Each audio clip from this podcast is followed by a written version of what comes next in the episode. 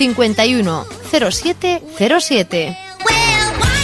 Arousa está informada día a día nun rotativo único. Diario de Arousa, un periódico no que defendemos o dereito a información dos nosos lectores, con análises objetivos, dunha forma plural e coa maior profesionalidade.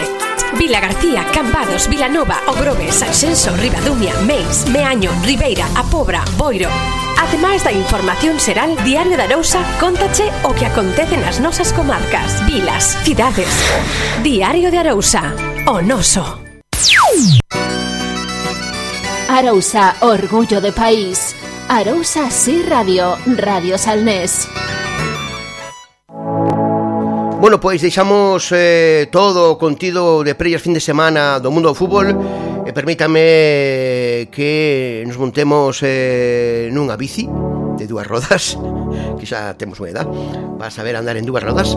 E eh, a verdade é que temos agora no, no fío telefónico ni máis ni menos que a Juan Carlos Muñiz Nieto que se pode ver de vez en cando por, por aquí, pola, pola nosa ría, xa que é residente en Porto Novo é que no 2015 eh, tivo o reto de presentarse a presidente da Federación Galega de Ciclismo foi reñido, pero conqueriu o, o logro de proclamarse presidente, eh, novo presidente da Federación Galega de Ciclismo, iso que había outras candidaturas ao Tallón, o que era o actual presidente.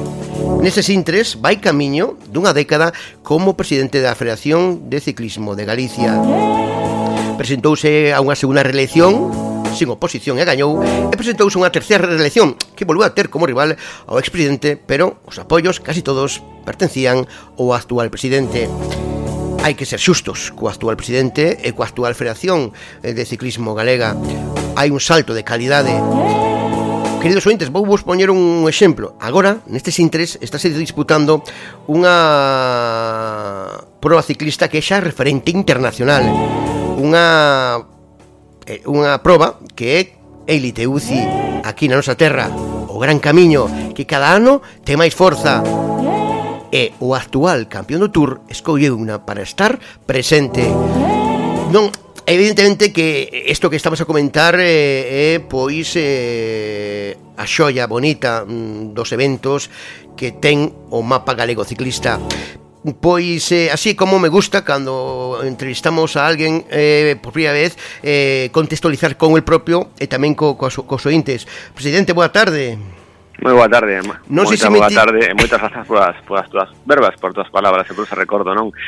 Eh, cando decías, eh, estaba eh, retomando e volvendo a, ese, a, ese, a, esa, a esa imaxe desa asamblea do 2015, a verdade que fixentes un repaso, un breve repaso, pero que me levaron a imaxe xa me levaba a ese 2015 a esas votacións desa, desa, desa, desa elección de, da candidatura á Federación Galega de Ciclismo, sí, señor. Pas, eh, pasou eh, moito tempo, é dicir, pasou o tempo voando ou, ou non desde ese 2015, presidente?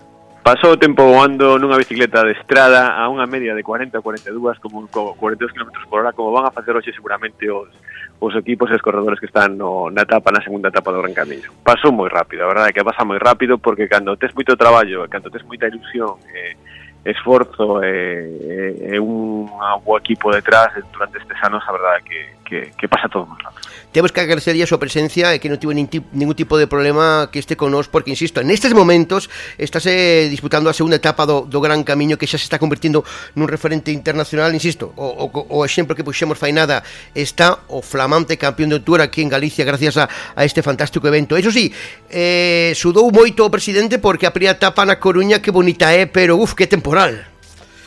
Bueno, bonito, temporal, pero si nos ponemos eu creo que, que nunca chove a gusto de todos, eh, pero sinceramente as imaxes que temos da, sí, da, eu estuve en directo ali, pero tamén fun, fun no coche, estaba vendo as imaxes na televisión de Galicia, imaxes tamén de, de Eurosport, non? Escoitando a, ao Gran Ares. Sí, sí. Pero sinceramente, estamos tengo as imaxes, pero de da Torre de Hércules, desas ondas que batían contra contra contra os acantilados, non? Desas ondas na playa de Orzán, todo eh, o que o paseo marítimo e digo eu, buah, que formoso. Mm, por un lado espectáculo deportivo, pero por outro lado que tamén temos un espectáculo deportivo que nos pon no mapa a nivel mundial, porque esa señal de televisión se está vendo en todo o mundo, sí, non? Sí, sí. Eh, que están coñecendo pois o noso territorio. E xe, xa estuve aquí porque non sei que non me poden desplazar para ver a tapa de do Camiño de Lugo, por compromisos de traballo pola mañán e agora pois teño presentacións de equipos que estamos en plena pretemporada xa e iniciando a temporada de algunhas modalidades están os equipos presentándose eh, e xa teño que ir a Betanzas a presentar a, o clube a escola e o clube ciclista de Betanzas e outros compromisos máis. E non podo estar, pero mañán seguramente a ver se si podemos estar na saída e despois na gran gala do ciclismo galego. Por suposto que sí. Ahora vamos con iso.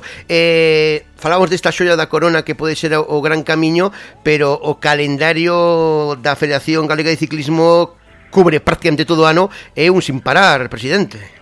Un sin parar, é un sin parar. Son máis de 200 eventos que temos ano, a, ao ano de todas as modalidades do ciclismo. O ciclismo ten moitas modalidades, o de estrada, o de mountain bike, e eh, temos ahora mismo pois eh, moitísimos clubes eh, xa dados de altas e registrados no que acaba de pensar o, o que é agora a temporada, non?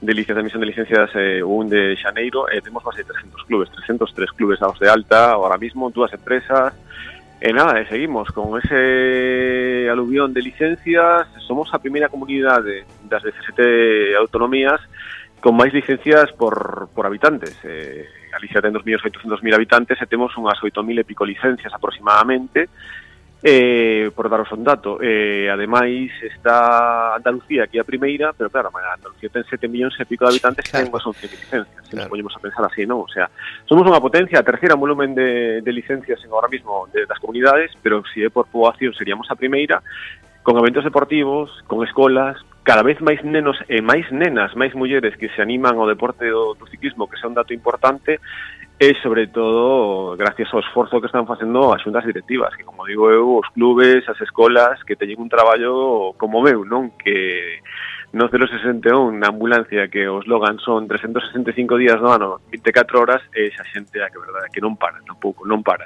Os clubes e as asociacións están aí a tope, os 24 horas do día, os 365 días no ano.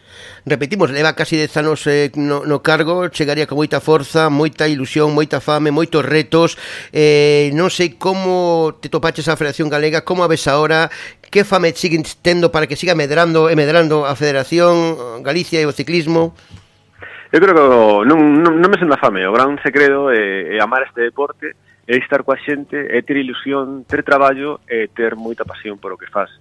E cando se mezcla todo iso, e cando és capaz de transmitilo, e, e, e rodearte dun equipo de xente, non? Que, bueno, durante o paso dos anos, pois, isto é un meramente pois, colaborador de todo, é altruista, esa xente directiva que me foi rodeando durante estes 10 anos, uns siguen e outros pois xa non están, outros volveron, Eh, gracias ao traballo de todos tamén, pero si sabes eh, contagiar ese esforzo, esa ilusión E esa paixón é todo moito máis fácil. Despois, no día a día, ensayo error. Non se equivoca ou que non toma decisións. Se hai moitas decisións que a veces tomamos e que son desacertadas. E hai que seguir traballando, seguir esforzándose e, sobre todo, seguir apoyando porque as federacións e institucións o que temos que facer é apoiar e poñer as ferramentas para que os clubes, os deportistas, que son os verdadeiros protagonistas, os nenos e as nenas, e os que disfrutan deste, deste, deste apaixonado deporte, pois que podan levar o seu deporte a cabo, podan facer deporte, podan hacer eventos deportivos, organizar grandes eventos deportivos, poñer o noso o as nosas cidades, a nosa autonomía, as nosas provincias no, no mapa a nivel nacional e a nivel internacional e eh, vender o que é a nosa riqueza paisaxística porque aparte do deporte de valores de saúde tamén é un motor económico é un perfecto binomio, sobre todo de aliado do turismo, que hoxe en día é un referente a nivel mundial. E unha das preguntas era como estaba a saúde do ciclismo galego en xeral, en global, pero bueno, eh, vendo túas palabras xa nos estás contestando, é un crecemento constante. Constante, constante. A parte, bueno, recordar que fai uns anos tivemos unha terrible crisis sanitaria. Sí. Eh, que casi se nos olvida, non? Porque hai moita xente que a verdad que o mundo con, con sigue, a vida sigue, eh, isto vai moi rápido todo, pero hai que trasladarse tamén a ese recordo, hai que ter ese recordo, eh, fai tres anos estábamos eh, cunha terrible crisis sanitaria, cunha pandemia que nos deixou tocados e marcados a moitos, con perdas de amigos, de familiares, eh, moitísima tristeza, pero que o deporte en este caso saleu totalmente fortalecido foi un referente. Galicia, por exemplo, gracias, eso hai que decirlo ás institucións, pero gracias ao apoio da Xunta de Galicia, o equipo de traballo da Secretaría Xeral para o Deporte, donde chamabas a calquera hora porque era un sinsentido que salía a veces las noticias. O sábado tiñamos unha sindicada, o sea, por exemplo, por la mañan tiñamos unha, un, un, decreto, e por a tarde era completamente outro, outro tipo de, de, de, de, de normativas, si podía seguir, si non podía salir, si isto, si outro, De verdad que sin mascarillas, si, si a distancia de seguridade, eh, tivemos unha situación moi complicada. Eu ainda recordo en Sanxenxo, Ribadumia, fomos a única comunidade de todo territorio nacional que pudimos sacar libro do deporte sacar o deporte. Facendo ciclocross, Sanxenxo estaba completamente eh, cerrada perimetralmente e, sin embargo, nos estábamos con esos protocolos gracias a Xunta, a Xunta de Galicia facendo actividade de ciclocross, en Marín igual, e o Concello estaba tamén cerrado perimetralmente, pero nos estábamos sacando unha actividade deportiva segura e así tamén lle dicimos a ciudadanía ao resto da poboación, non? que o deporte era seguro, que o deporte eran valores e que o deporte era unha das saídas para facer, sobre todo, e sair fortalecidos desa gran crise sanitaria e desa gran pandemia. Tal cual. Bueno, este martes no Concello de Rebadumia presentouse co alcalde David Castro e o propio presidente da, da Galega, de ciclismo Juan Carlos Muñiz eh, Pois o que vai ser a gala do deporte eh, Que vendo aquí a nota de prensa que teño diante mi, eh, Presidente, bueno, pois eh, eh, Vai ser completísima Porque completísimo foi o ano do, do ciclismo galego Sí, a verdade é que sí, non? A verdade é que temos eh, na gala do deporte, pois eh, son unha mención, facemos o que é sobre todo as entregas dos galardóns, sí. dos, dos rankings, ¿no? da puntuación de, máis de todas as modalidades, eh, os gañadores deses rankings, temos as copas e temos os campeonatos, pero eso se, se recoñece na última prova dos, das copas, eh, na prova do Campeonato de Galicia, aí se recoñece directamente os, os, os gañadores, os finalistas, e despois temos o que é o ranking galego, non? de todas as provas as puntuación, pois os, eses vencedores deses rankings, de estrada de, de mountain bike das, das distintas modalidades, de BTT, maratón, descenso, contrarreloxo, e estrada, pois directamente para ciclismo, que tamén temos para ciclismo, pois se verán eh, reconocidas nesa gala do ciclismo galego que facemos anual. E tamén, este ano temos 79 galardóns autonómicos, pero creo que das primeiras veces que vamos a ter máis galardóns nacionais, sobre todo finalistas de campeóns e campeonas de España, de Copas de España, que, que autonómicos. E iso de, para poñer en valor tamén pues sí. o gran esforzo que están facendo os deportistas, o gran esforzo que están facendo os clubes para poder eh, poñer as ferramentas, como dicía antes, non deses corredores que podan competir ao máximo nivel mm, por todo por todo o país e que o ciclismo galego sea ahora mismo pois unha potencia a nivel nacional con grandes deportistas e con eses oito recoñecementos, esas oito mencións a, a gañadores e finalistas de, de copas e campeonatos de España. Casi nada, pois será este sábado aquí na comarca do Salnés, no auditorio de, de Ribadumia, onde vai acoller esta gala do ciclismo galego, un ciclismo galego que xa o escoitan en verbas do máximo representante federativo, do seu presidente, que vive un, un auxe continuo e que por riba nestes intres, mentras eh, charlamos co presidente, estáse facendo o gran camiño que cabeza máis grande e cabeza máis eh, importante a nivel internacional. Pero como ben escoitan, eh, as preocupacións do presidente tamén están de Galicia para dentro. Presidente, non sei se quere puntualizar algo máis, pero creo que bastante completiña quedou a información, creo.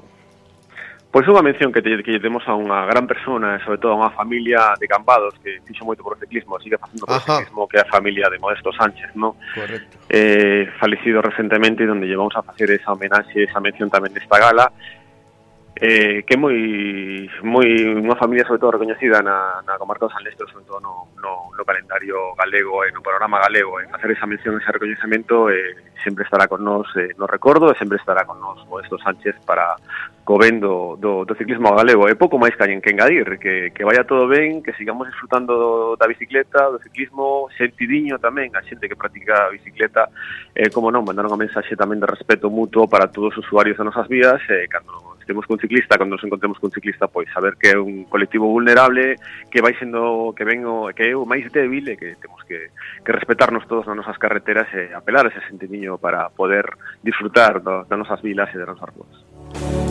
Escoitamos ao seu presidente, o da Federación Galega de Ciclismo, Juan Carlos Muñiz, a seguir facendo camiño en bicicleta. Presi, moitas gracias por atendernos. Moitas gracias a vos, boa tarde. Boa tarde.